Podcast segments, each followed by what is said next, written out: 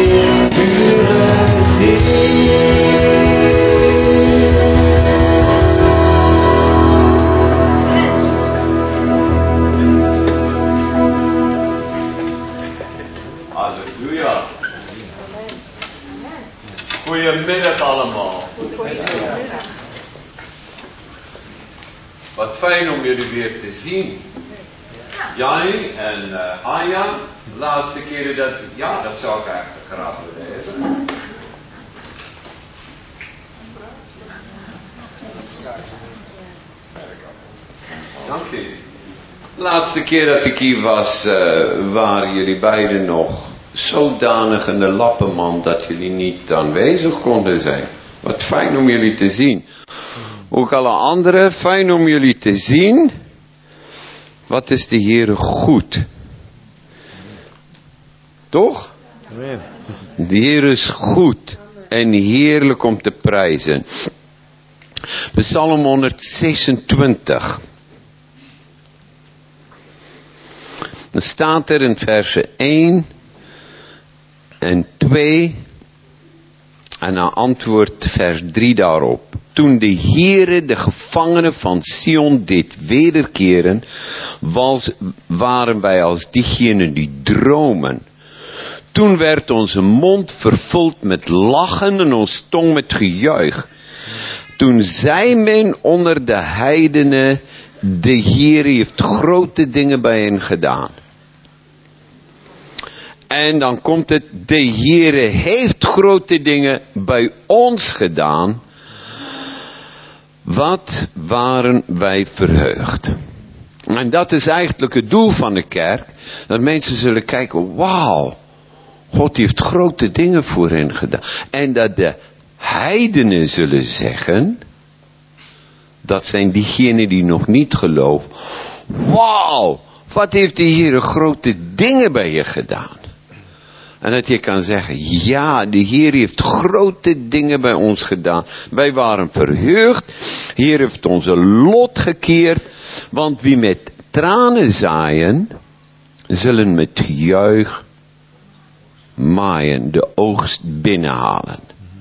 Daar kom ik straks nog op terug. Maar vader, zo willen wij ook deze dienst opdragen aan u. Wij willen het in uw handen leggen.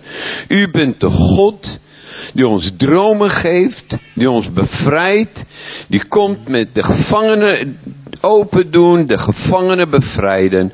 En u komt ons ook tegemoet vanmiddag. En wij bidden u om uw zegen, wij bidden u om uw aanwezigheid vandaag en de naam van Jezus.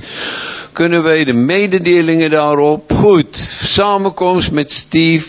Dit is vandaag, dinsdagavond hebben wij studieavond. Woensdagavond gebedsavond. Zaterdag aanstaan hebben wij een leiderstraining.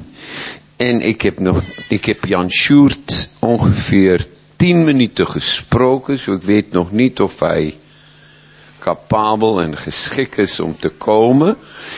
En dat moet ik ook nog uitvinden. En uh, komende zondag dan spreek Arie Baak. En vandaag, vanmiddag, mag ik bij u voorgaan. En ik vind het een grote voorrecht. Alleen nu moet ik nog proberen om... En dit wat ik wil zeggen. Heb jij Dropbox? Oké, dan ga ik het naar jou toesturen. Dan kun je het opzetten. Dan gaan wij de Heer loven en prijzen. Zijn er nog andere mededelingen? Wat ik... Zaterdag is de Veluwse Passion. En dat zag u ook voorbij komen. Dat zag u ook op een website. Andersens moet je gaan kijken. Dank u Marijke. Zaterdag 24-3. De laatste dag van Jezus Christus wordt verteld, verpakt in een muzikaal eigentijds jasje. En het begint kwart over acht. Start de processie bij het harde, de ijsbaan. Kwart over zes, kwart over, 18, 15, kwart over zes. Goed. En voor meer informatie kijk op de of op de website.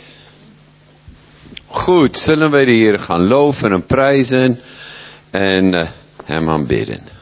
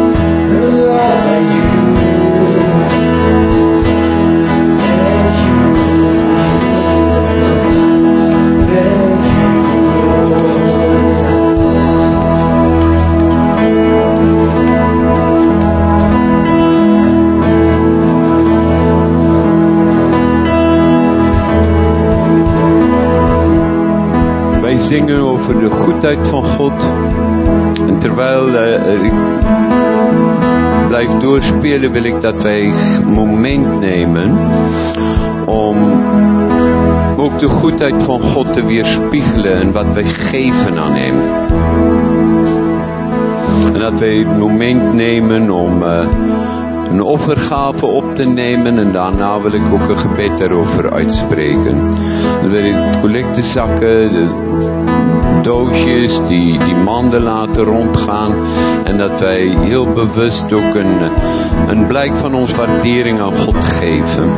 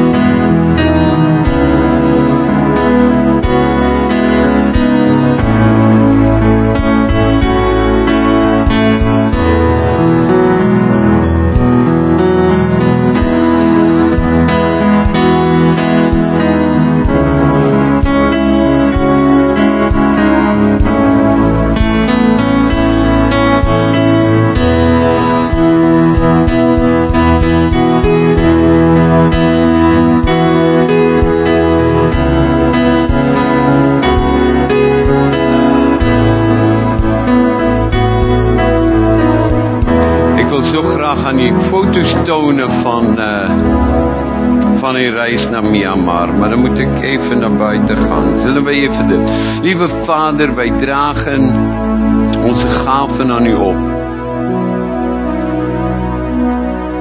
En in het Oude Testament hier was het een heffingsoffer aan u. En wij bidden dat u het gebruikt voor uw koninkrijk. En wij bidden voor elke euro dat wij in de, in de collecte gedaan heeft.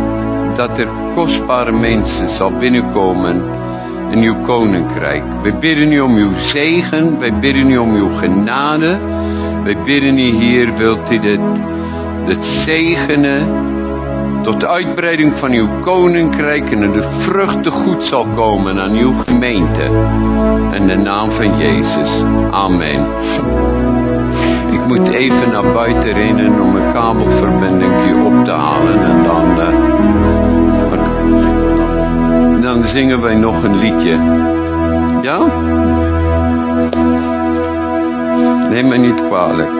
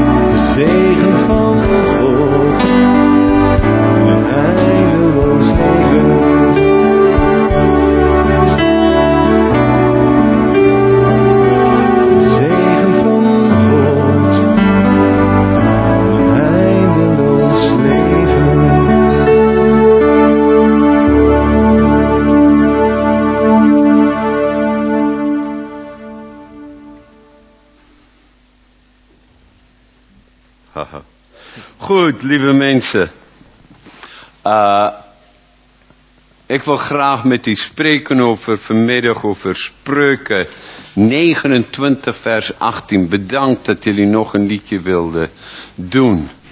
Ik zeg het een beetje oneerbiedig.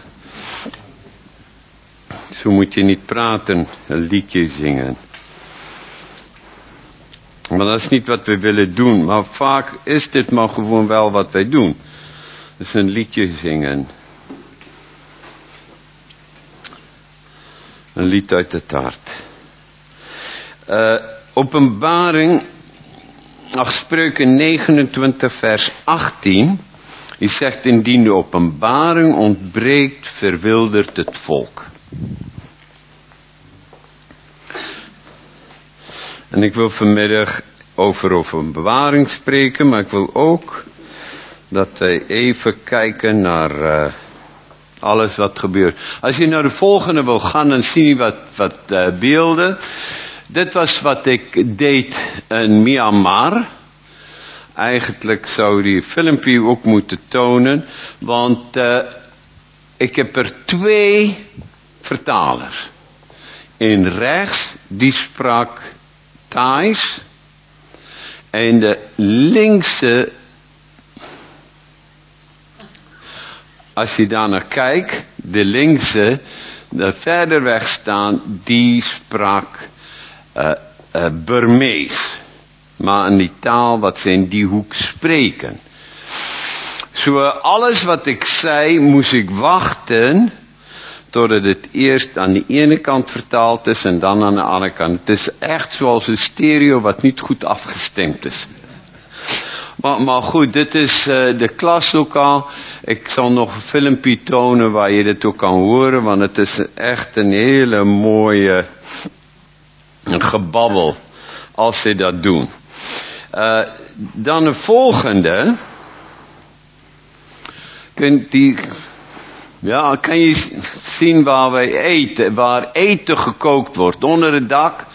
En uh, daar wordt het eten bediend, uh, gekookt. En daar waren, nou, ik heb nog nooit zulke lange bonen gezien, zo lang. Maar ik word, het zijn kousenbanden. Kousenbanden. Nou, ik heb kousenbanden gegeten. En wat ze in haar hand heeft, zijn lengteuitjes, maar daarnaast liggen een hoop paddenstoelen. Uh, champignons om het netjes te zeggen dan. Maar die waren zo lang en dun en dat ging door alles heen. En het is Thais eten.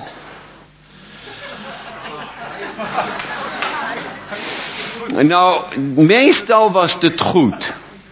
Maar soms dacht ik,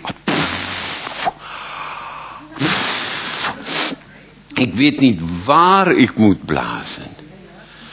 Uh, ik kom er nog op terug. De hele groep is op de volgende. Het lijkt voor mij een beetje doof. Moet, moeten wij daar meer stroom op zetten? Uh, maar dit is de hele groep. Dit is mijn vriend uit Zuid-Afrika, Johan.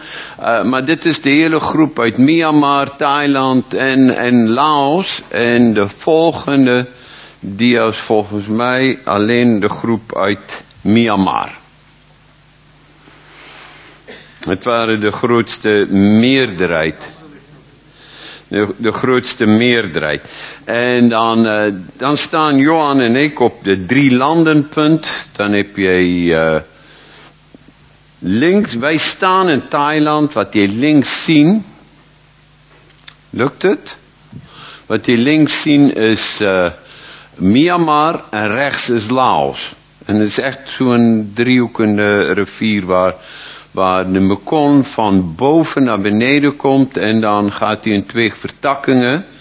En rechts is Laos en links is, Myanmar. En wij zijn in, in Thailand en wij staan daar bij een verschrikkelijke grote lelijke Boeddha-beeld. Uh, oh, nou zie ik dat hij net... Nou kan je ongeveer zien op de volgende dia hoe groot dat ding is. Uh, eigenlijk zou ik hem nog een beetje naar beneden. Maar een Boeddha met borsten. Een vrouwenfiguur. Terwijl Boeddha was een man. Maar, maar wat je ziet is eigenlijk steeds meer vrouwelijke boeddha's. Zo blijkt of een beetje genderneutraal wordt. Of genderverwarrend. Maar dat heeft te maken met eigenlijk de bron van het alles. Boeddha heeft gezegd, je mag nooit van mij beelden maken. Je mag mij nooit aanbidden. Als je echt iemand wil gaan aanbidden, moet je een man aanbidden met de doorboorde handen. Maar daar is overal een stuk vermenging van godsdiensten die naar voren komt. En het heeft alles te maken, want bij dezelfde plaats zal, kan er nog dia's tonen. Uh, maar zijn er beelden van Shiva. Van verschillende hindoe-goden. En dat is eigenlijk de opper, de sterke man, die daar beheer van heeft. Heel veel mensen denken aan uh, islam, en denken ze Mohammed. Maar als mensen naar Mekka gaan, dan lopen ze om de Kaaba, die zwarte ding, en daar zal de drie namen van Allah geopenbaard worden. En een van die namen is Kali. Een andere naam is ook van de hindoe goden. En dat betekent dat er eigenlijk wereldwijd, en dat zie je met name daar, want dit is een nieuwe beeld, hij is niet zo oud, hij is ongeveer negen jaar oud, komt eigenlijk voort en een verwarring en het gaat steeds meer de kant op van die uh, hindoe aanbidding en steeds meer komt daar eigenlijk Vishna naar voren. De godin. Wat ook in de Bijbel genoemd wordt de koningin van de hemel. En dat is heel interessant. Oké, even kijken waar waren wij nou precies. Dat hij ook een idee heeft. Ik dacht dat wij die hele beeld op, op plaatje krijgen, maar kun je hem drukken? Oké, nou, hier is Bangkok. Uh, ik heb nu contact gekregen met pastors in die omgeving. Die we gevraagd of wij diezelfde training daar kon doen. Dan zie je Chiang Rai. Chiang Rai.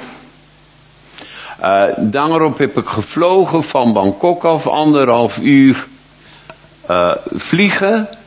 En dan moest er rijden tot op de grens. En dan zie je die grenspost waar, waar tussen Myanmar en, en Laos binnenkomen.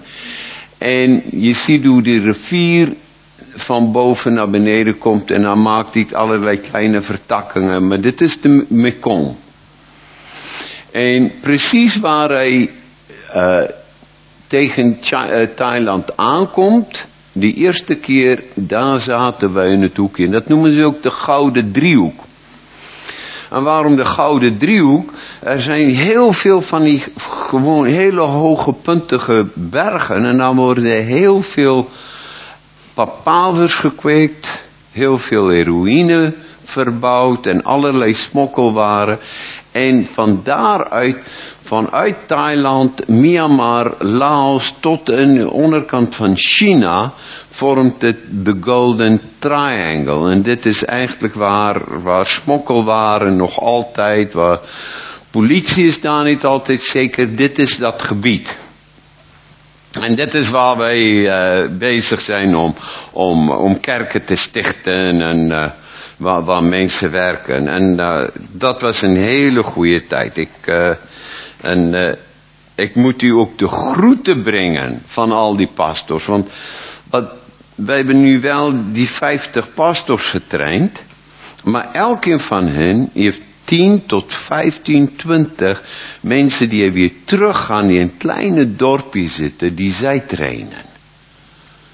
En die maken aantekeningen en boeken. En, en iedere keer als ik klaar gesproken heeft, dan gaan ze dit eerst contemporariseren. En met elkaar praten, hoe kunnen ze dit gebruiken? Hoe kunnen ze naar de kleine dorpjes gaan? Hoe kunnen zij de goede preken daarvan maken voor de komende drie maanden? Hoe kunnen ze dit handen en voeten geven? En dat is nogal een ervaring. Dat, uh, dat je dwingt om eens goed na te denken. Van, van hoe hoe sterk is mijn christelijk leven? Als ik in zulke omstandigheden zou, zou leven. Zou ik het volhouden? Alleen maar die eten af. Goed, lieve mensen, wat heel belangrijk is. Als we kunnen beginnen, de kerk is bovennatuurlijk. De gemeente van Jezus Christus is bovennatuurlijk. De kerk is bovennatuurlijk. En als christen wordt van ons verwacht om te leven vanuit geloof. Wij kunnen niet zonder geloof leven. God wil tot iedereen spreken. God heeft een plan voor iedereen en elk van ons. En God wil dat wij gaan leven vanuit het bovennatuurlijke om ons leven op aarde te leven. God heeft een plan en een bestemming voor iedereen's leven. Dat geloof je toch, of niet? Geloof je dat God je geschapen heeft? Dat God je gewild heeft? Met andere woorden, God heeft een plan voor je leven, maar hij heeft meer dan dat. Hij heeft een bestemming en een doel voor je leven. En omdat hij een bestemming en een doel voor je leven heeft de duivel, heeft Satan ook een bestemming en een doel voor je, zodat je niet in je bestemming gaat wandelen. En de enige hoe je daar kan komen is om te gaan leven vanuit die bovennatuurlijke. En daarom is het heel belangrijk, en die openbaring ontbreekt, zegt de Bijbel, verwildert het volk.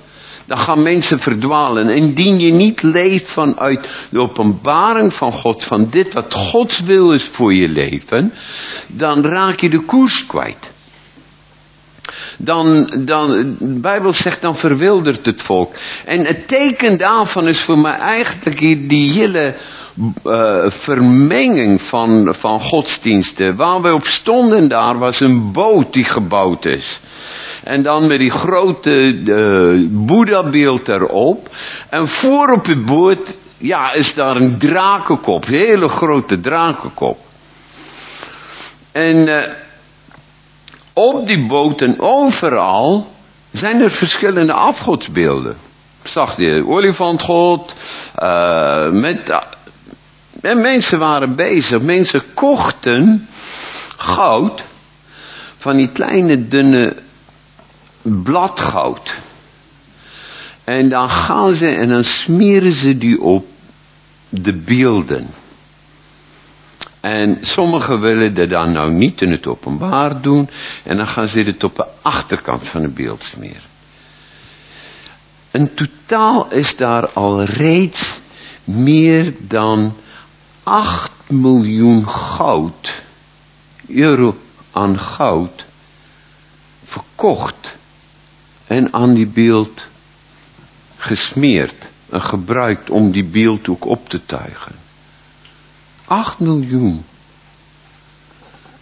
Dat is een hele heftige bedrag. Terwijl mensen leven daar een grote armoede. En, en terwijl ik met, met die mensen praatte, maar hoe was het vroeger? Ja, ja, ja, iedereen heeft, heeft een plaats waar hij naartoe gaat. Iedereen heeft de offerplaats.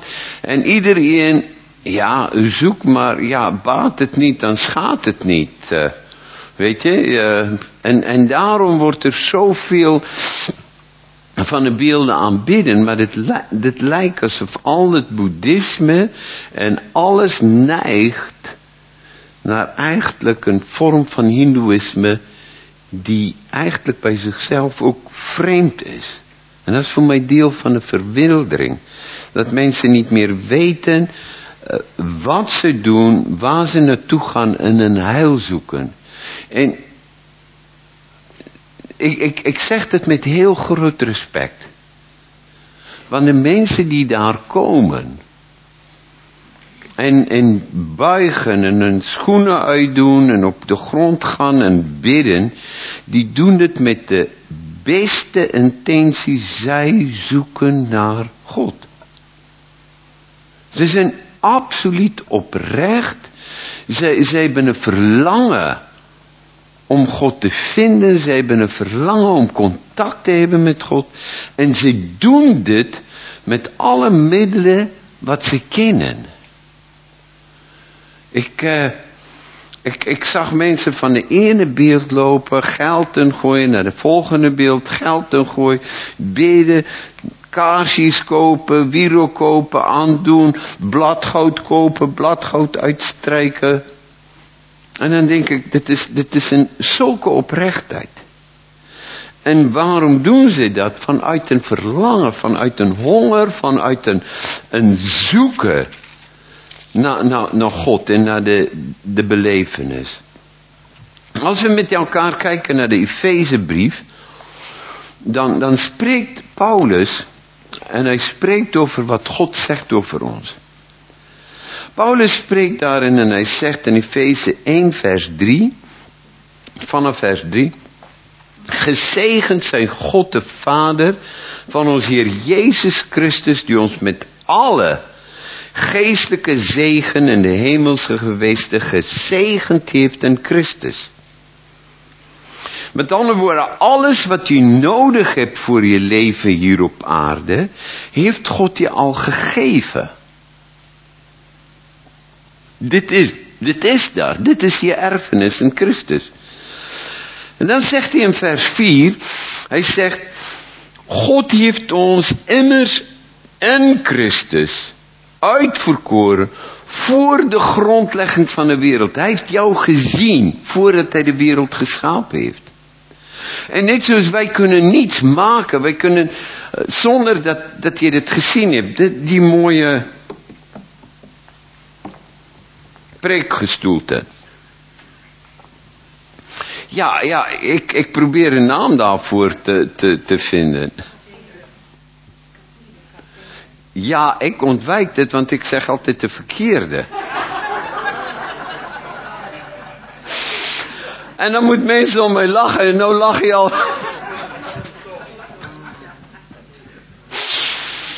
Want dan noem ik altijd de andere.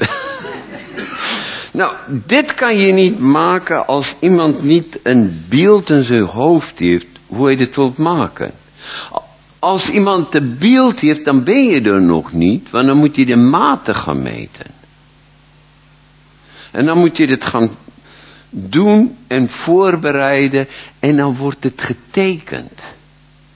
En vanuit de tekening wordt iets gemaakt.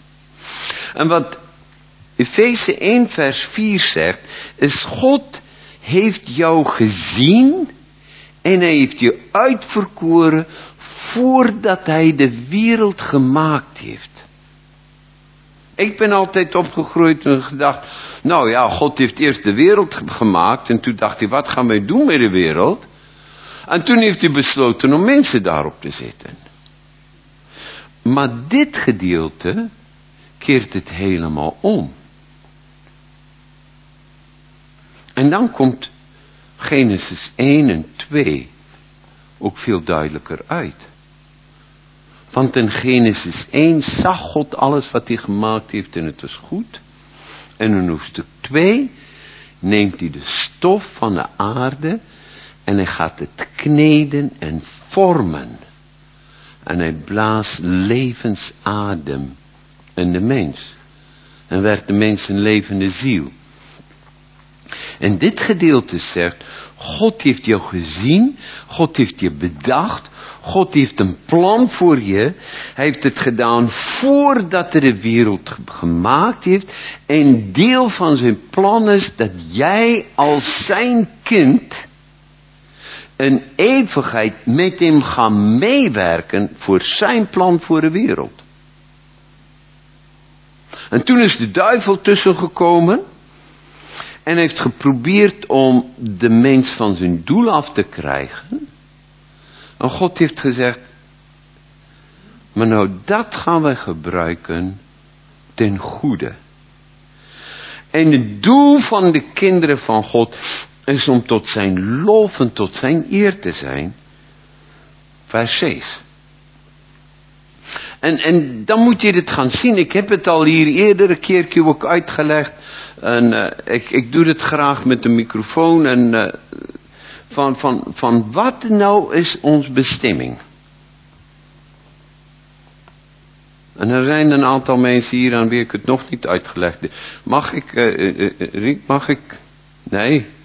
Mag ik, mag ik, mag ik rommelen met jouw microfoon? Nou, moet de draai, of ik haal die draadje gewoon af. Kan je hem even af... Nee, ik wil niet de microfoon. Ik wil die kabel hebben.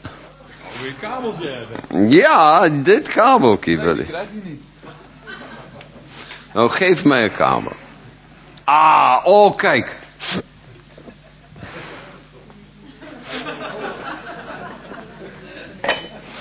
Dit is nog beter. En ik heb het al bij jullie uitgelegd, toch? Of niet? Mijn moeder die is 100 geworden september. Nou, als dat nou 100 is. Dat is ons leven hier.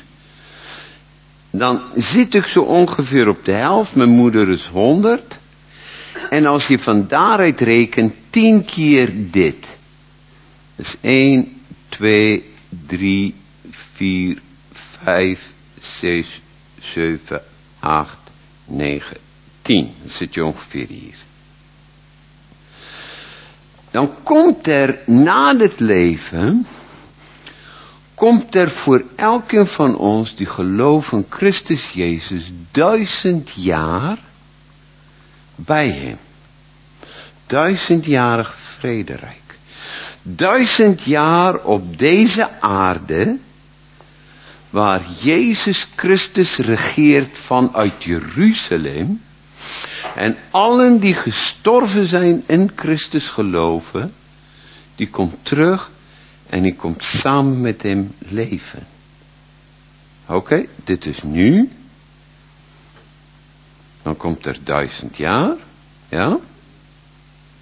En dan komt er een spik, spik, spik, splinternieuwe hemel en een spik, spik, spik, splinternieuwe aarde. Oké, en eh, hoe ver zijn wij dan? Dan beginnen we hier aan.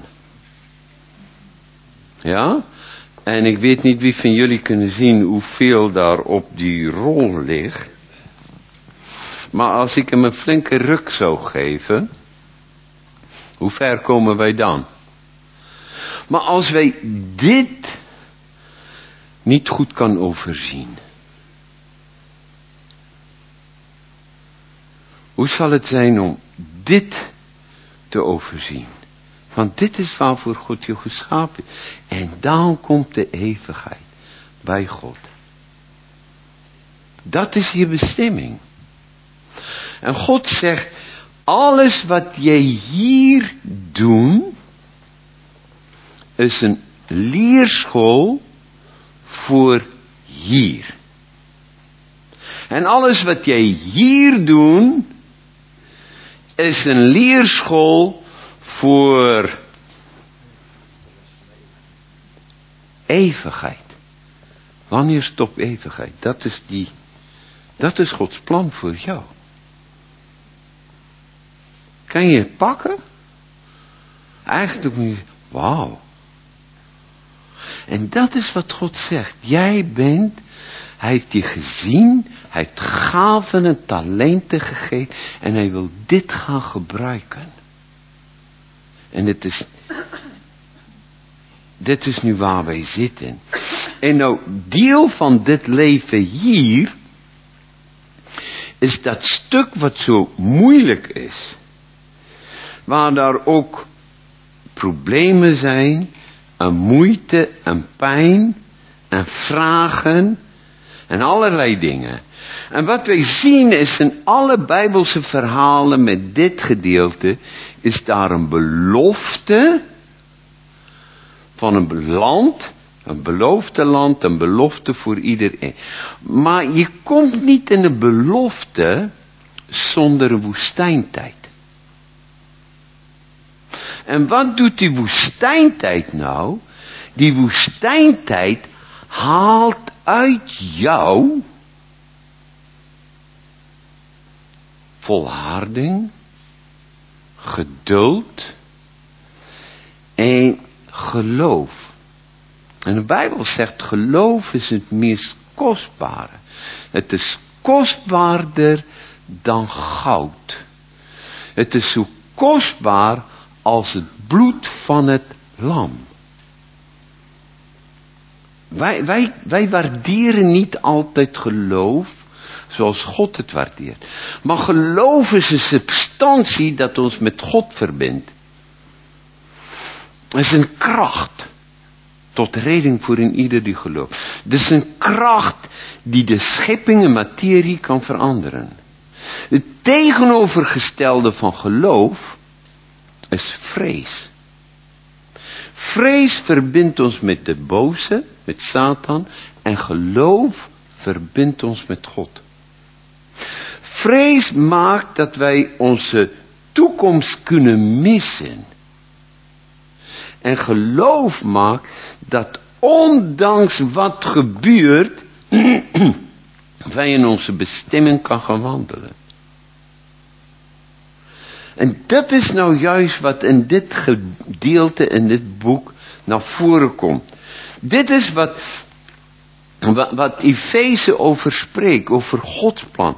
God heeft een plan van je, voor je leven. En daarom gaat Paulus ook bidden. En hij bidt voor de gemeente.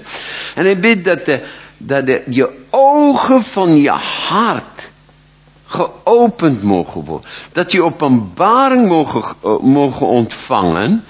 En hij bidt om een geest van wijsheid om, en openbaring om God op de werkelijke goede manier te kennen. Verlicht de ogen van je hart, opdat je weet wat je roeping is. De verlichte ogen om te weten wie je bent. Verlicht de ogen van je hart om te weten en te gaan dromen waartoe je in staat bent. Want je bent geschapen naar Gods beeld en zijn gelijkenis. Verlicht de ogen van je hart om te weten waarvoor je gemaakt bent. Wat is dit wat jou tot leven laat komen? En het heeft alles te maken met Gods plan voor je leven.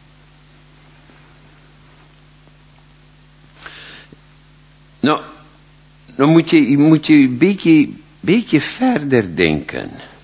Ik wil weten, wat is dit wat je soms ontroert? Wat is dit wat je als kind al droeg, wat je helemaal, je mond openvalt en, en, en je helemaal blij van wordt en ontroeren en dan werd je geplaagd door andere kinderen daarover. Wie kent dat, uh, die gebeuren? Dat je niet snapt waarom sommige dingen als je daar naar kijkt, of muziek als je het hoort, dan, dan ineens moet je janken. En als er nou iets is wat je niet op school moet doen, dan moet je gaan janken, toch? Vooral niet als een jongen. Wie kent dat? Dat je soms kijkt naar films, soms kijkt naar iets, je hoort soms iets, je ziet soms iets. En dan komt het weer en dan denk je, wat is er fout met me? Of, of, of, of waarom ben ik nou zo... Ja? Ken jullie dat? Nou, wat is dat? Dat is iets van God, van zijn karakter, van zijn bestemming. Iets van zijn persoonlijkheid wat in je leven gelegd is. Wat de, te maken heeft met jouw bestemming, jouw gave, jouw doel. Dit is iets wat, wat in je hart leeft, dat door God daarin geplaatst is. En dit, wat kostbaar is, wat, wat door God in ons geplaatst is, wat ons ontroert, dat probeert de wereld en de duivel kapot te maken. En wat gebeurt dus? Mensen bouwen een muur op. Jam. Wij gaan ze niet pakken. Hm? En wat gebeurt er dan? Is dat eigenlijk door de muur kan jij dit missen. Wat God specifiek op jouw leven en in jouw leven gelegd heeft.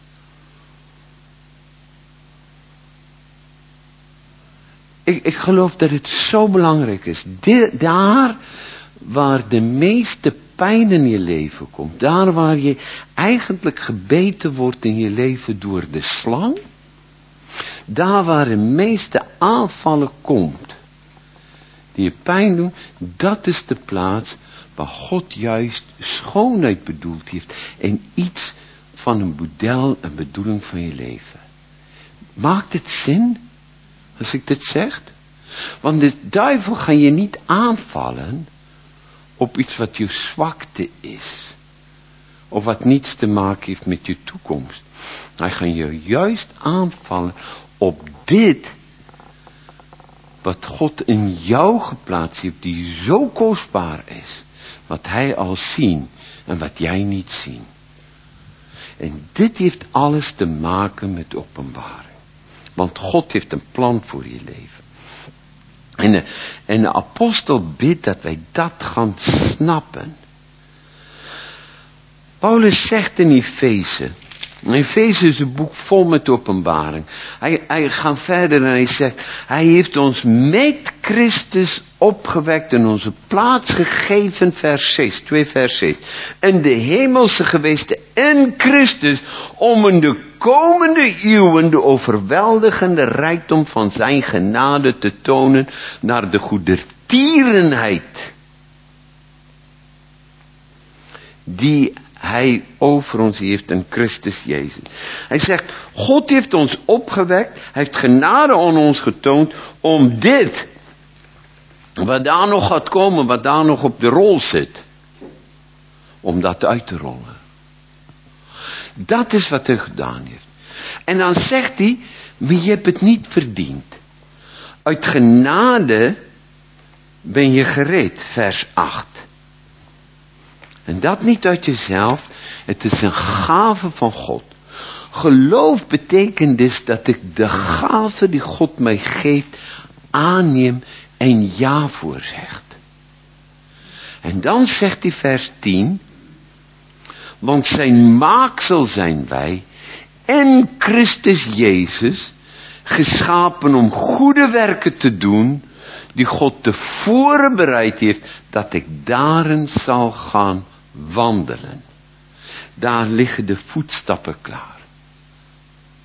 En daar heb ik jullie verteld over het verhaal van onze zoon, onze jongste. Maar God heeft een plan voor je. Hij heeft een plan en een bestemming. Hij heeft iets van, waar jij ten volle tot jezelf zou komen. En wanneer wij die openbaring mist, dan zegt de Bijbel, dan verwildert het volk. Dan raak je de kluts kwijt. Dan ga je bezig met allerlei andere dingen. Dan weet je niet welke weg je op moet gaan.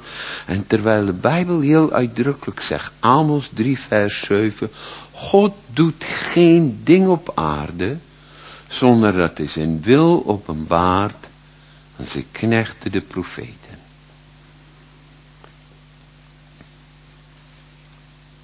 God doet niets op aarde zonder dat hij het laat weten waarom. Zoals hij niet weet wat er gebeurt en niet snappen wat gaande is, dan moet je weten dat je nog onderweg bent in het stukje wildernis naar je belofte. En dat de duivel komt en hij probeert je aan te vallen. En nou, wat is nou het mooie? Is wat doe je nou in het geloof? Een geloof terwijl je hier zit. En alle rottigheid. Spreek je een geloof. Heer, ik eer u. Ik hou van u. Ik heb u lief. U leidt mijn voeten over het water. Waar ik zelf niet kan gaan. Alleen maar in het geloof. En ik ga God loven en prijzen. En als mijn omstandigheden heel rot is. Als ik thuis zit met verschrikkelijk pijn in mijn jup. Als ik kan barsten van de pijn in mijn arm. En ik kan nog, al is het dan met de cd'tje met lofprijsmuziek gaan meezingen en lofprijzing doen. Wat breng ik dan? Dan breng ik een offer van aanbidding. Dat kan ik alleen hier doen. Ik kan het niet hier doen, dan is het geen offer. Want hier is geen ziekte, geen dood, geen pijn. Ik kan een offer alleen maar brengen in dit leven. Begrijp je? Zo, hier valt de duivel mij aan. En ik zeg, jong, jij snapt geen bal van liefde. Jij snapt echt geen bal van liefde. En al wat hij probeert is, ja, als God dan liefde is, waarom ga je lijden? Nou, om jou op je bek te geven. Ja, maar als God dan een God van liefde is, waarom dit? Wie is degene die de ellende in de wereld gebracht heeft? Is het God? Wie heeft ziekte de wereld ingebracht? Is het God? Of is dit gevolg van de zondeval?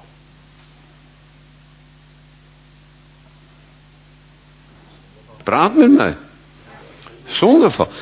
Ik, ik ga nog verder, want dit, is die, dit zou misschien mijn theorie kunnen zijn. Maar, oh wat was ik blij.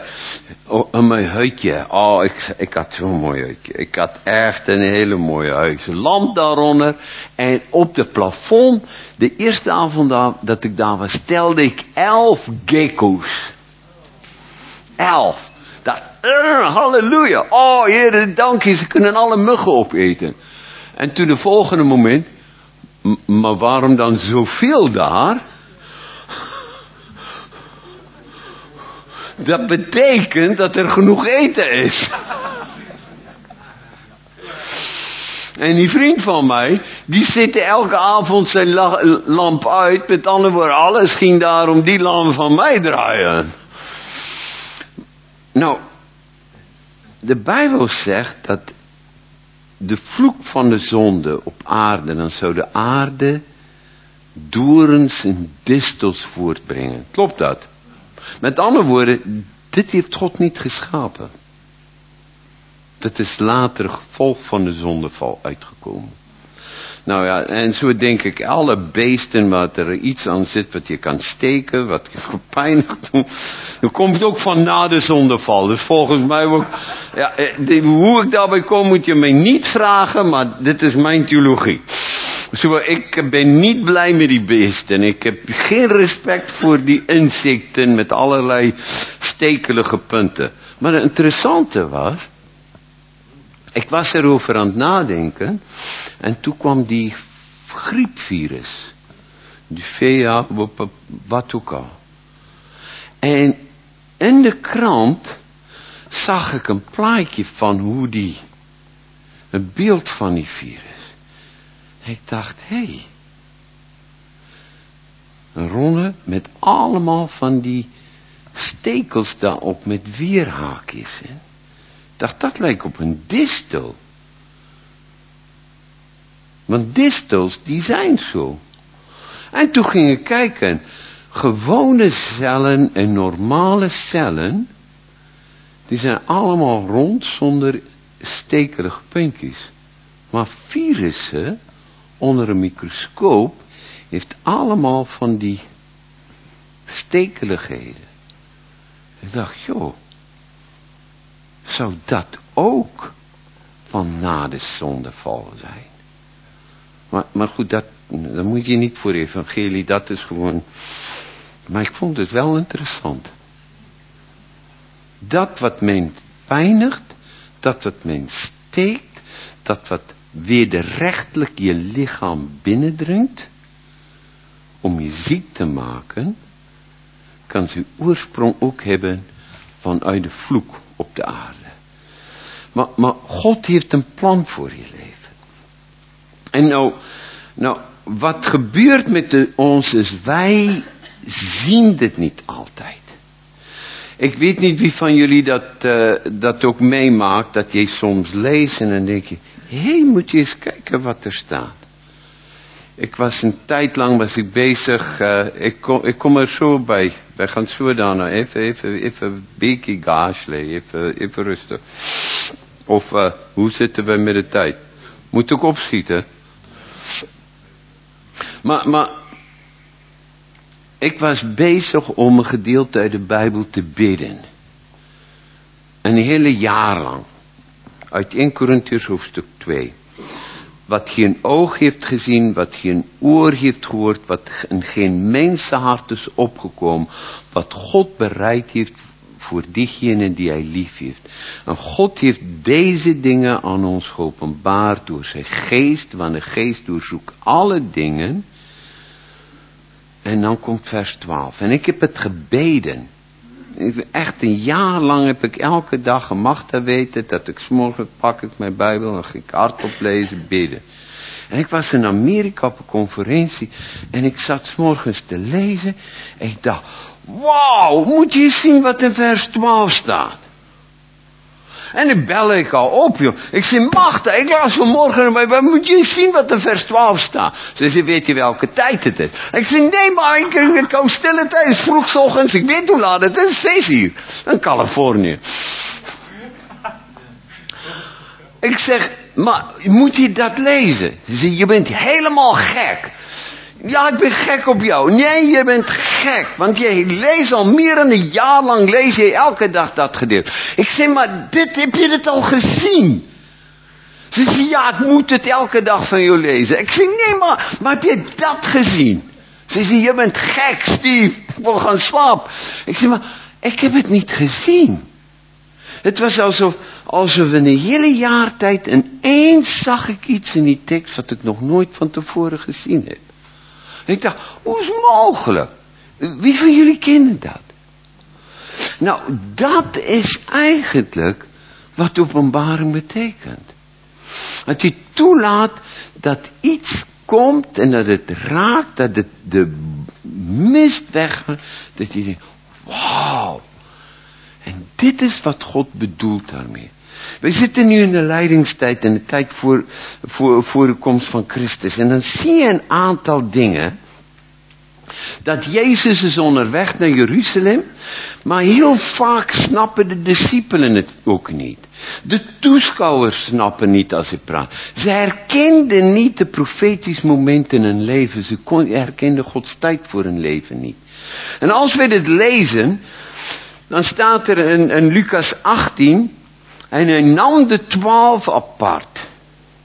En hij zei tegen hem, wij zijn nu op weg naar Jeruzalem.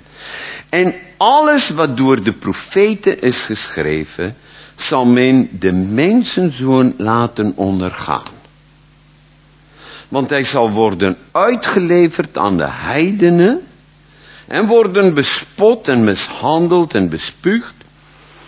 En nadat hij is gegezeld zal hij worden gedood, maar op de derde dag zal hij opstaan. Hoe duidelijk kan je zijn? Daar staan eigenlijk de hele lijden, passie van Jezus uitges uitgespeld. Hij heeft het hun gezegd. En dan staat er dit. De leerlingen begrepen er niets van. De betekenis van Jezus woorden bleef voor hen verborgen. En ze konden maar niet bevatten wat hij had gezegd. De betekenis bleef verborgen. Het was alsof dit, dat, dat woord verborgen, dat heeft eigenlijk te maken met donker. Ze konden het niet bevatten. Het was donker. En een van de dingen die wij altijd bidden, wat Paulus ook bidt, is dat hij bidt dat God verlichte ogen van het hart zal geven, dat die gaan zien. En, en, en mijn gebed voor je is, maar ook voor mijzelf, dat God ons verlichte oog van ons hart gaan zien, dat dingen niet duister zal zijn. Maar dat je zal snappen waarvoor God je geroepen heeft. Dat je zal snappen wat je plan voor je leven is. Dat je zal snappen dat bij elke ding wat God ons belooft, wat belangrijk is, is er een proces van voordat je de belofte ingaan, ga je door een proces van wildernis, van droogte, van duisternis, van zoeken. En dat zit door de hele schrift heen. En ik wil je uitdagen, want voor die ene persoon is al in de belofte, maar je kent zijn verhaal, zijn geschiedenis van duisternis niet. En een andere persoon is nog op een plaats waar die bezig is, die dit uitschreeuwt van frustratie, van wat is dit? Maar dit is de proces waar iedereen van ons doorheen gaat. En wat God eigenlijk naar je zoekt en vraagt, heb je mij lief? Geloof je mijn woord? En ben je bereid om mij te vertrouwen? Die drie vragen. En het heeft alles te maken met wie ben je? Wat is Gods plan voor je leven? Wat is je taak? Wat is je doel? Maar het, gekke is, is dat het niet de eerste keer is dat Jezus dit zegt. Is je even, hij heeft het al eerder gezegd, ook in vers 9. Hij zegt, onthoud wat ik tegen jullie zeg. De mensenzoon zal aan de mensen uitgeleverd worden. Maar ze begrepen deze uitspraak niet. De betekenis bleef voor hen donker, verborgen, donker. Alsof duisternis eroverheen is. En soms is wat de duivel doet, is die brengt ook duisternis. En waarom? Is omdat jij waardeert altijd alles veel meer waarvoor je geknopt heeft. Is het niet waar? Want daar, daar heb ik voor gewerkt. Dit is de mijne. Dat.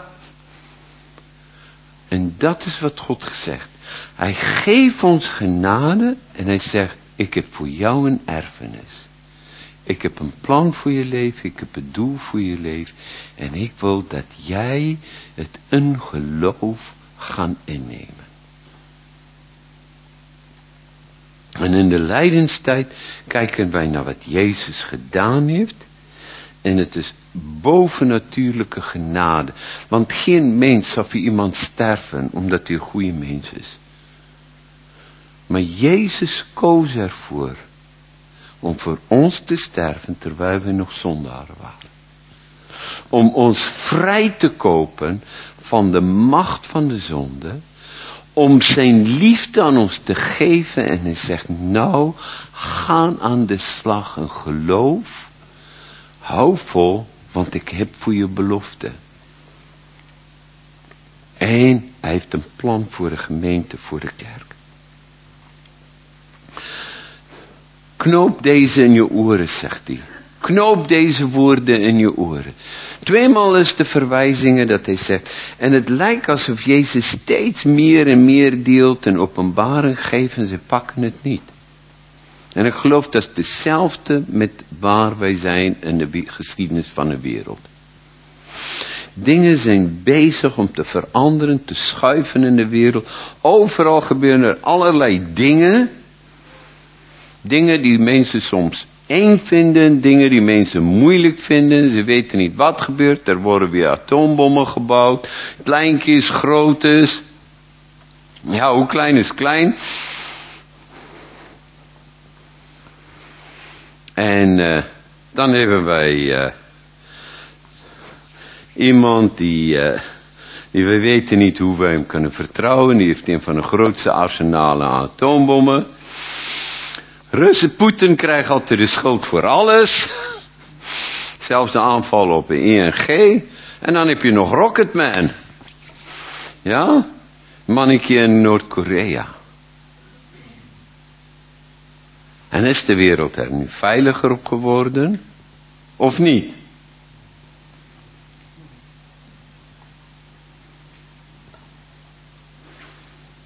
Ja, ik weet het niet.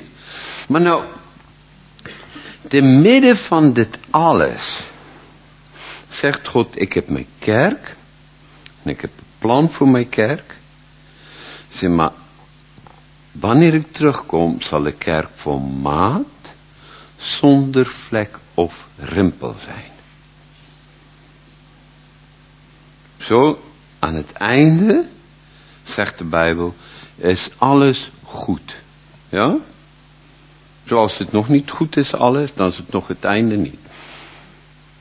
Heel eenvoudig. Dus je moet niet zorgen maken als alles door elkaar is en je snapt er niets van, dan is het niet het einde. Maar let op de kerk. Dat ik geloof dat vanuit alle richtingen daar steeds meer en meer samenwerking gaan komen.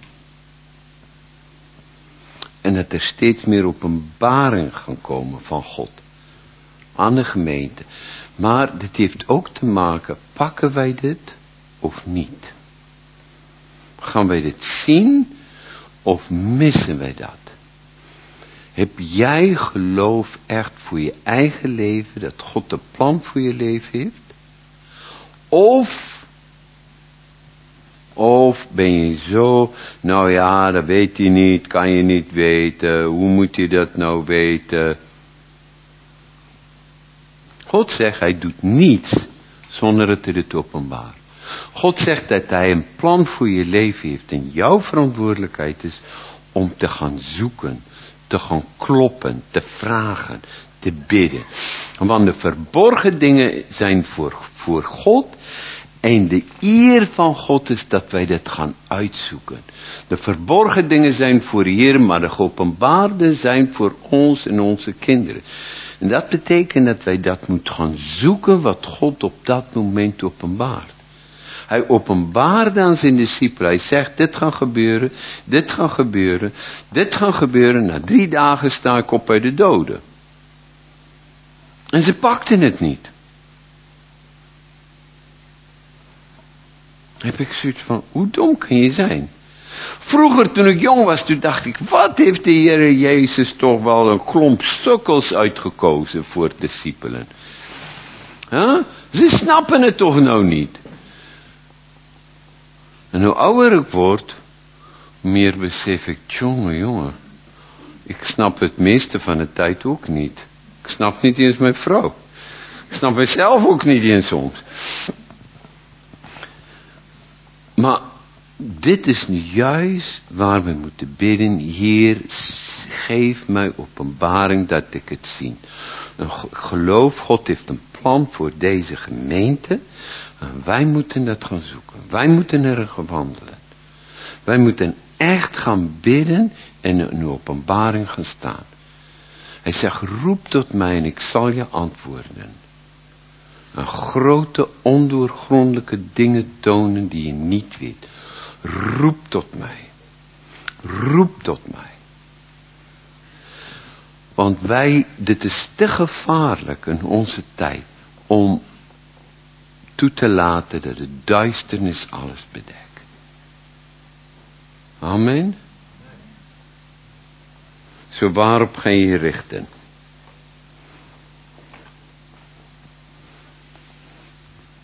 Geloof je dit? Wat ik hier probeer uit te beelden?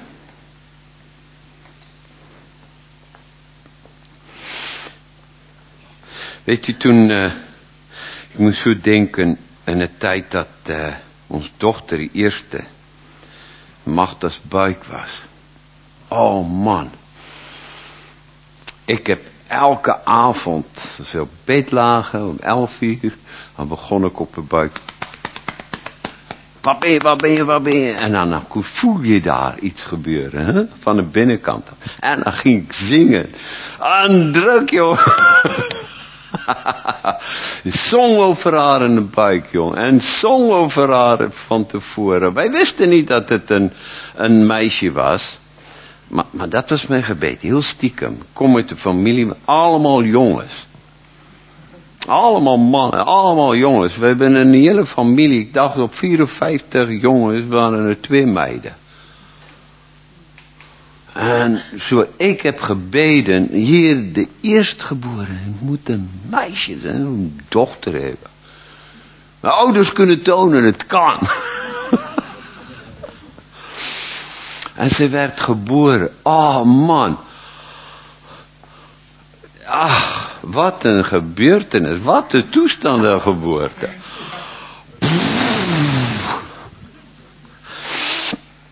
Huilen, machten, pijn. Hoe help je je vrouw als ze, ze geboorte geeft? Ja. Zij weten, die vrouwen weten niet wat wij als mannen meemaken. En, uh, en dat, dat babykie kwam eruit, joh. Ik janken. Magda zegt, wat is het? Een baby. Ik heb gezien vijf vingertjes geteld. Vijf twinkies. Wat is dit? Ik zeg, baby. Volwassen baby. Ik zeg, wat is dit? Een baby. Jongen of een meisje? Ik weet het niet. Maar het moment dat ze op het bos lag. En we zeiden, oh daar ben je. Zag je het hoofdje omhoog kijken. En kon je in het gezichtje kijken. En we, oh daar ben je. Uiteindelijk contact.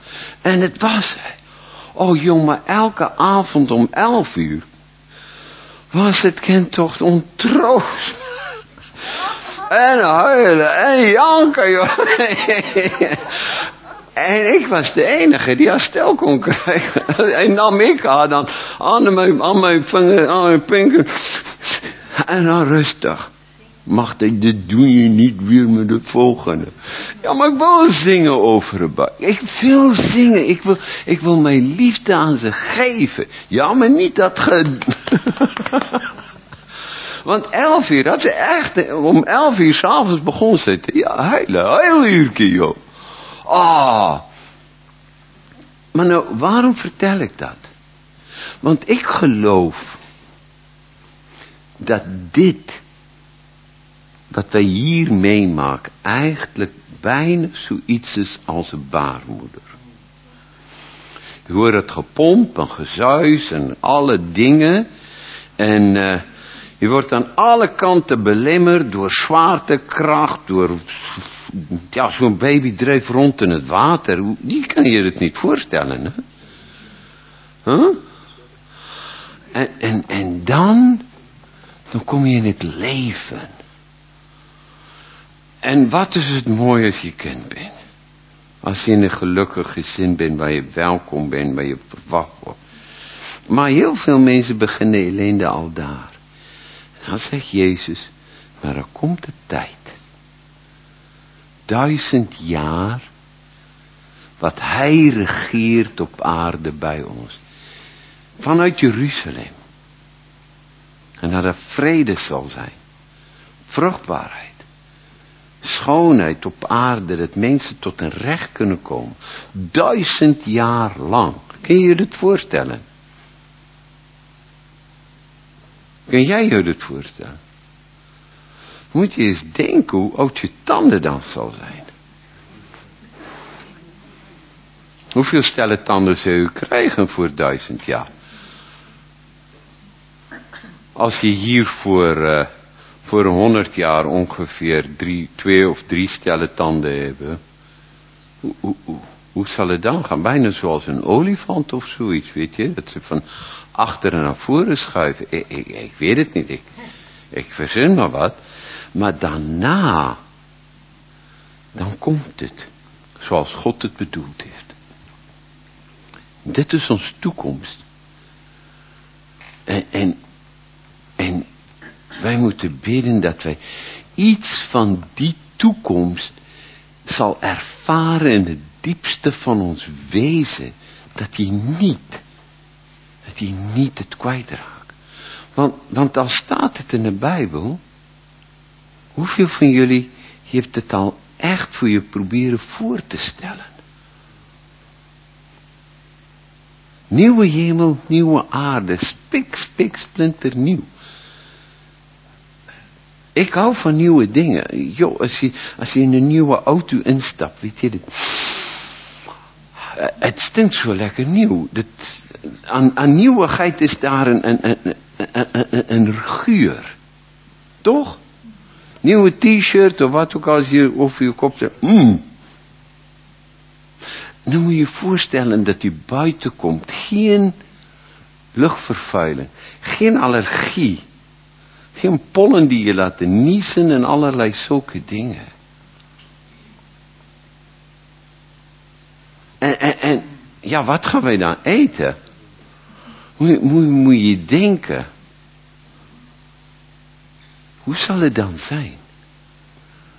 En als wij ons blik daarop zal houden en dat wij God van aangezicht tot aangezicht zullen zien, ik weet toen Clarisse op aarde kwam, nou joh, ik moest zo janken. En ze lag daar het kleine bij. En ik dacht, ik hou van jou. Ik, ik ben bereid mijn leven voor je te geven. Ze heeft nog niets gedaan. Helemaal niets. Ze was nog niet zoals ze naar tienerjaren. Wie weet, meisjes, oh, ze is schitterend. En ze zijn net de chemische fabriek. Ene moment dan is het roze geur, jong. Prachtig. En dan sommige weken van de maand. Dan is het net zoiets zoals een, daar zuur, dat, het kookt en het borrelt. Het, uh, ik zal niet zeggen dat het stinkt, maar als ik denk, weet je, dit was in de tijd voor de pampers. Of pampers.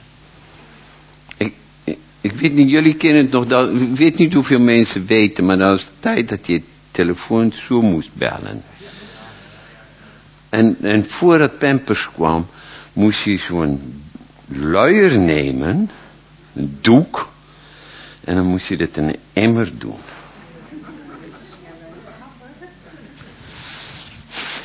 En vanuit die emmer moest het in de wasmachine komen. Hm? Eerst zo... En, en, en, en het ergste is, als je niet goed uitkijkt, maar je komt met je gezicht echt helemaal boven die emmer. Ik weet niet wie van jullie dat meegemaakt heeft. En, en, en dan denk ik, maar toch hou ik van jou. Toch ben je voor mij kostbaarste wat er is. Maar dat dat kan komen uit zo'n prachtig kleine lijfje. En, en die, die contrast wat er is. Ik geloof dat is wat het leven nu inhoudt. Want bij iedereen van ons is daar de luiertijd woestijntijd en het verwachting en de belofte. En als je zit met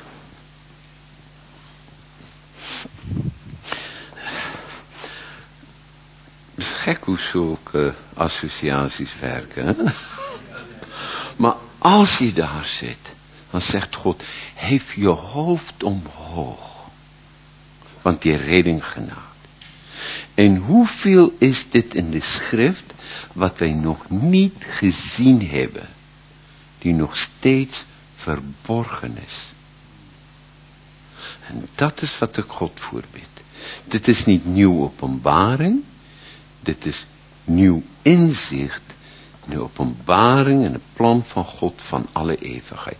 Vader, en zo bid ik voor ons. Dat wij in deze lijdenstijd in de tijd dat we kijken naar wat Jezus voor ons gedaan heeft. Onvoorwaardelijke liefde voor ons. Onvoorwaardelijk dat hij bereid was om zijn leven af te leggen aan het kruis. Onvoorwaardelijk terwijl hij wist wat hem te wachten stond. Terwijl hij dat gecommuniceerd hebben. Hebben diegene die het dichtst bij hem was, het niet gepakt. Heren, en wij beleiden, er is zoveel dat u al aan ons gecommuniceerd hebt. Dat wij toegelaten hebben om te laten roven. Dat wij niet pakken. En ik bid u, Heer, dat uw plan, uw wil voor elkeen zoals wij hier zijn. Uw plan, uw wil voor de fontein. Uw plan, uw wil voor elke echtpaar. Naar voren zal komen. Want uw plannen is niet alleen voor hier en nu. Maar het is voor tijd, duizend jaar en eeuwigheid. En wij bidden u dat hij de eeuwigheid zal planten in onze harten. En dat de lichte last van verdrukking ons niet onder zal krijgen. Maar dat wij in geloof zal gaan achter Jezus aan. Met ons ogen gevestigd op hem. De apostel en auteur van ons geloof. Heer Jezus, u komt toe alleen alle lof en alle eer, alle aanbidding van onze harten. open ons ogen, opdat we mogen zien de wonderen van uw woord. Amen.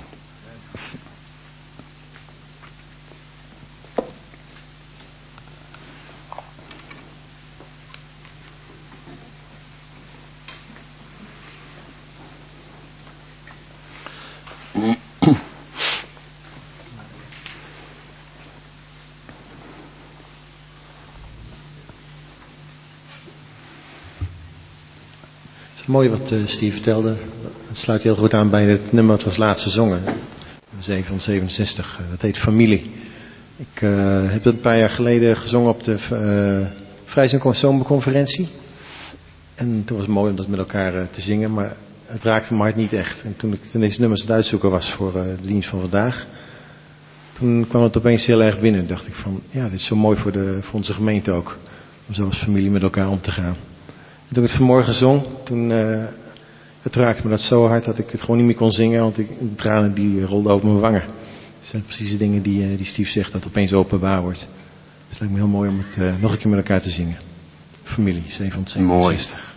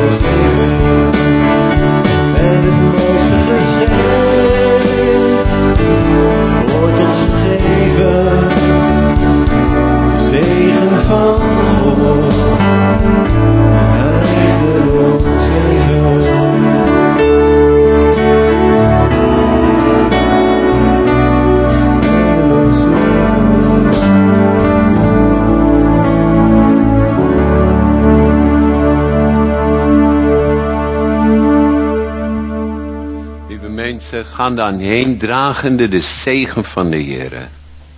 De genade van onze Heere Jezus de Christus, de liefde van God onze Vader en de gemeenschap met de Heilige Geest is met elke van u tot Christus wederkomt. Amen. Amen. Tot dinsdagavond.